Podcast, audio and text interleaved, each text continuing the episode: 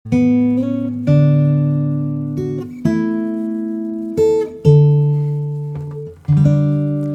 og velkommen til en ny episode i podkastserien Tor, håp og ærlighet. Det er veldig kjekt at du fortsatt eh, lytter og vil henge med på dette. Takk for meldinger og innspill som kommer på Facebooken. Det setter vi veldig pris på. Eh, I dag så eh, skal jeg ha episoden fått navnet 'De var ikke dummere før'. Og du kommer til å skjønne etter hvert hvorfor jeg har kalt episoden for det. Um, fordi at vi har en tendens til å tenke at uh, ting utvikler seg hele tiden, og vi forstår mer og mer og mer og mer. Og så oppfører vi oss av og til som vi, var mye, vi er mye smartere enn folk var før. Det er jo eh, filosofer og tenkere som har påstått det at eh, kunnskapen, kunnskapsmengden, den er konstant. Det bare han endrer Det endrer seg hva vi mennesker har kunnskap om. Det skal ikke jeg begi meg inn på, den debatten får noen andre ta. Men jeg har valgt å tenke og tro at folk var ikke dummere enn oss før. Jeg tror de var smarte, og at vi har mye å hente på å ta til oss og se og lære hva folk tenkte før i tiden også. Ikke fordi at jeg tror at alt var bedre før i tiden. Jeg er veldig glad for å være født i en tid med innlagt vann og vannklosett og busstransport og I Bergen har vi bybane. Altså, jeg er veldig glad for den utviklingen som har vært. Men det gir meg ikke rett, og det, jeg har heller ikke lyst til å tenke at folk var dummere enn meg før. Og spesielt når vi går inn i de gamle, gamle tekstene, så tror jeg det er sunt å ha respekt for at de som skrev, var kloke mennesker. De valgte ut tekster, og de valgte fortellinger som de skrev ned for at de mente dette var viktig for ettertiden å få med seg. Dette var kunnskap som ikke måtte gå fortapt. Og det tenker jeg òg, ærlig talt. Det er derfor jeg eh, har gitt ut starten, og det er derfor jeg holder på med podkasten Tor, håp og ærlighet. For jeg tenker dette er kunnskap som er viktig, ikke går fortapt. Men det, de tekstene som vi snakker om i denne podkasten, det er tekster som krever litt innsats for å få utbytte ut av. Fortellerteknikkene i dag er veldig detaljert. Beskriver følelser, ansiktsuttrykk, eh, tanker, reaksjoner i kroppen, farger Masse detaljbeskrivelser, sånn at du blir dradd inn i fortellingen fordi at det er Du klarer ikke å la være å lese ferdig eller høre ferdig. Mens disse tekstene som vi snakker om her i denne podkasten, de er skrevet med mye mer knapp fortellerstemme. Eh, der kan store fortellinger gjerne fortelles bare på noen få linjer.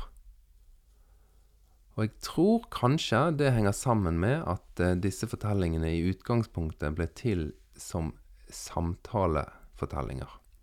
De skulle utfordre et etisk dilemma, en moralsk problemstilling, og så skulle tilhørerne være med i diskusjon og samtale om hvorfor og hva og hvem gjorde hva, og hvorfor gjorde de, hva var motivene? Sånn at de fargela fortellingene sammen. Det er ikke så rart å tenke at det var sånn, fordi at hvis det er en muntlig tradisjon, fortalt på reise, nomadefolk som forteller på kveldstid, de har ikke Netflix å sette på, en sitter og diskuterer og, og kommer frem til hva som er viktig, hva som er verdt å ta med seg, hva som er verdier vi må ta vare på.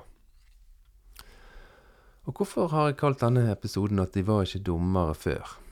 Jo, fordi at noen ganger så leser vi de gamle tekstene som om de var litt enkle. Men jeg har bare lyst til å vise deg en liten sak helt i starten av den samlingen med bøker som vi har kalt for Bibelen. I forrige episode snakket vi om to brødre, Kain og Abel. Den ene broren drepte broren sin. Og så står det at eh, siden han hadde drept han, så ville Gud straffe han og sende han bort fra landet. Og hvis du da tenker litt sånn, bruker hodet litt, da, så ut ifra sånn som den fortellingen er fortalt, så var de egentlig bare fire mennesker på kloden der. Det var Adam, Eva og to sønner, Kain og Abel. Og nå hadde Kain drept den ene, så de var bare tre personer igjen på hele jordkloden. Hvis vi skal tenke at de var litt enkle, disse folkene, og prøvde å fortelle en naturfaglig skapelsesfortelling. Men disse folkene som skrev, de er mye klokere enn som så. De viser åpenbart i teksten at dette ikke er ment som en bokstavelig beskrivelse. De vil bare sette oss inn i en situasjon, vise oss at menneskene har et opphav, og at de møter etiske problemstillinger med en eneste gang. Sånn leser jeg det i hvert fall. Og da ser du at de har lagt igjen noen hint til oss som viser at nei, vi tenker ikke at akkurat sånn som dette er det. Men vi skriver dette for at du skal tenke igjennom at du ikke fortjener din rikdom, at det er viktig å dele, og at det fins en innebygget ondskap i oss som gjør at vi faktisk er i stand til å drepe vår bror. Så har de lagt igjen et hint som sier at når Kain da fikk straffen om han ble sendt ut fra landet, så ble han veldig redd. Og vet du hvorfor det står at han ble så redd? Jo, for han var så redd for alle andre han kom til å møte på. De kom til å ville drepe han. Altså, disse som skrev denne fortellingen, de var ikke dum. Og de vet det at logikken i denne fortellingen, hvis den skal føles helt nøyaktig, så var det ingen andre mennesker han kom til å møte på. Han kunne flytte hvor som helst på hele kloden og ikke møte et eneste menneske. Men derfra så går de rett over og forteller om byer og folkeslag, og om at på den og den tiden så begynte folk å tro på Gud. Så de gjør det helt åpent at eh, det fins mange flere folk på kloden, og det er ikke en naturfaglig fortelling. Dette er en fortelling som er ment til å gi oss etiske og moralske dilemmaer som gjør at vi må tenke gjennom vårt liv, vår prioritering og vår hverdag. Du kan bare lese sjøl de første kapitlene i eh, første Mosebok. Veldig interessante.